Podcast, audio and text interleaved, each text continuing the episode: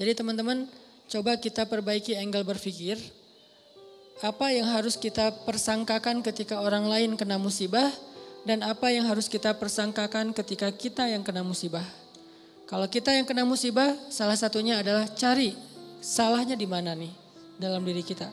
Kalau orang lain yang kena musibah, maka berbaik sangka dengan mengatakan Allah ingin mengangkat derajat dia. Berbaik sangka dengan mengatakan Allah pengen dekat dengan dia. Berbaik sangka dengan mengatakan orang yang paling banyak diuji adalah para nabi, kemudian orang soleh, kemudian yang semisalnya, kemudian yang semisalnya. Berbaik sangka dengan mengatakan Allah pengen menggugurkan dosa-dosa dia. Sehingga kita nggak pernah menjudge orang lain. Dan tidak sibuk dengan kesalahan-kesalahan orang lain. Karena pernah saya kena musibah misalnya motor saya hilang. Dulu banget. Saya baru beli motor, baru dua bulan terus hilang. Teman saya bilang gini, Ustadz kurang sedekah nih. Digituin. Ya sih, saya akan nggak mungkin dong saya ngebantah kan ya. Oh iya ya mungkin. Cuman kan nggak enak ya. Orang lagi kena musibah bukannya dia simpat apa empati atau apa gitu, malah Ustadz kurang sedekah nih. Dia menjudge. Dan kalau saya kepancing, ah nggak tahu sedekah saya kayak gimana kan habis pahala sedekah saya. Udah pahala sedekahnya cuma sedikit, riak pula gara-gara kepancing sama dia hilang kan nggak ada manfaatnya kan ya. Dan itu sering loh mancing-mancing kita jadi riak. Kadang-kadang riak kita itu bukan direncanain, bukan gua pengen riak nih, enggak. Kalau kelas kita insya Allah nggak gitu-gitu amat lah. Nggak mungkin kita sedekah pengen pamer, kita apa beribadah pengen pamer, kita tilawah pengen pamer. Kita tahu lah itu mas sia-sia. Tapi kadang riaknya tuh muncul gara-gara kepancing sama orang lain. Lo nggak pernah gua ngeliat baca Quran, Wah lo gak tahu gue di HP ini ada Quran sampai 5 aplikasi loh.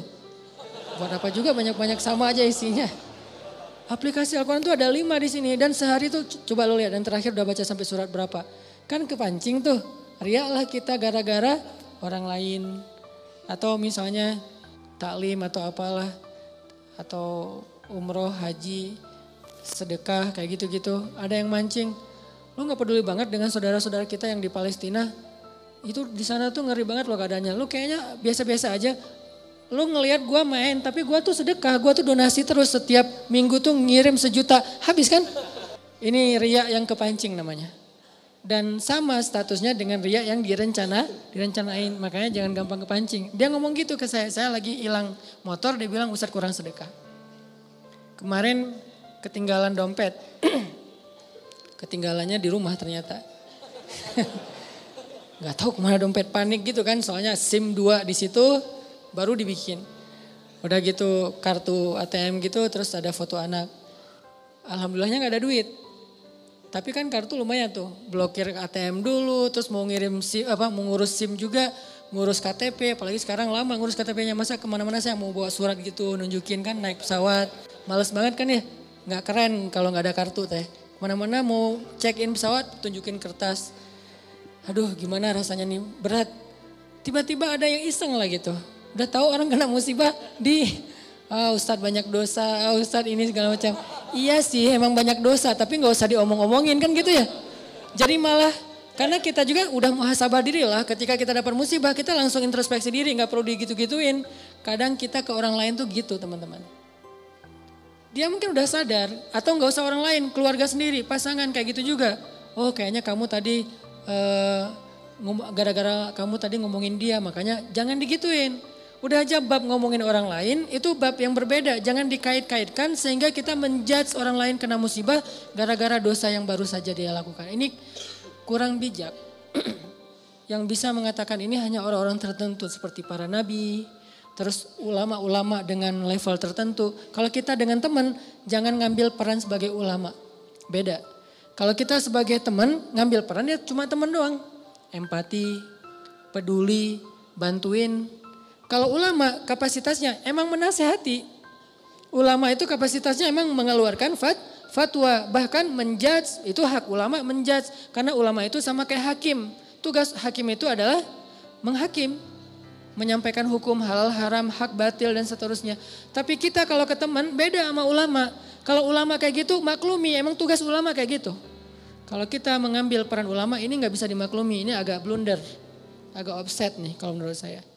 Jadi kalau teman-teman ngedengar ada ustadz-ustadz yang di sosial media berfatwa, itu emang tugas mereka. Jangan dijat juga, nih ustadz ini kurang bijak. Emang gitu, kalau kita yang kayak gitu, yang namanya kurang bijak. Kalau ulama kayak gitu, bijak itu. Karena kalau ulama diam, lalu di mana amar ma'ruf nahi mungkar? Kalau ulama diam, lalu di mana dakwah? Kalau gitu saya juga harus, enggak, kalau kita enggak boleh ngomong, mending diam. Karena ketika kita ngomong, kemungkinan salahnya lebih besar daripada benar. Terus gimana? Ya udah bantuin orang yang kena musibah. Jangan dijas, jangan dihakimin, jangan difatwain. Kita bukan ahlul fatwa. Kita bukan mufti.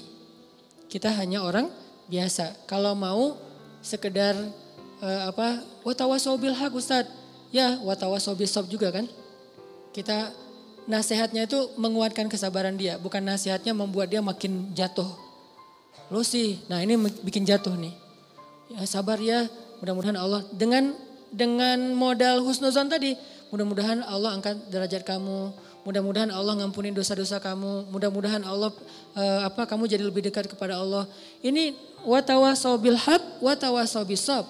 Tapi kalau kita bilang kamu kurang ini, kamu kurang itu, kamu kurang itu, ini berarti kita menjudge, menghakimi orang yang sedang kena musibah. Harusnya itu kita lakukan untuk diri kita, bukan untuk orang lain. Beda banget teman-teman angle dalam menilai orang lain dan menilai diri kita sendiri itu beda. Jangan disamain. Yang banyak terjadi terutama di sosmed itu kita memperlakukan yang untuk diri kita kita berikan ke orang lain, yang untuk orang lain kita ambil untuk diri kita. Itu yang terjadi di balik tadi tuh. Itu banyak banget di masyarakat kita. Yang kayak kasus orang lain kena musibah kita bilang banyak dosa, kita kena musibah kita bilang Allah pengen ngangkat derajat saya. Harusnya dibalik. Kalau dibalik insya Allah kan nggak ada perdebatan ya. Nggak ada haters, nggak ada uh, keributan, nggak ada keramaian, nggak ada unfollow, nggak ada live group, nggak ada yang kayak gitu-gitu. Kenapa? Karena semuanya melihat ke orang lain dengan husnuzon, melihat ke diri sendiri dengan muhasabah, dengan mengevaluasi kesalahan sendiri. Ini poin pertama, mudah-mudahan jadi pola pikir dalam kita ber, apa, berteman, pola pikir dalam kita apa bersosmed termasuk karena kalau pola pikir ini dibalik tadi bahaya. Kita nggak akan pernah punya teman yang nyaman berada di sisi kita. Terus disalah-salahin. Apalagi nanti kalau udah punya pasangan nggak akan betah dia kalau terus terus terusan disalah-salahin walaupun salah. Kadang dia salah tapi nggak usah disalah-salahin, cukup dibantu nanti dalam momen-momen yang lebih eh, normal, lebih enak baru dikasih tahu. Tapi kalau misalnya dia lagi ada masalah, disebutin lagi kesalahannya, secara manusiawi dia pasti akan akan ilfil. Alih-alih dia nerima nasihat kita malah menjauh, malah jadi masalah baru. Ini angle berpikir.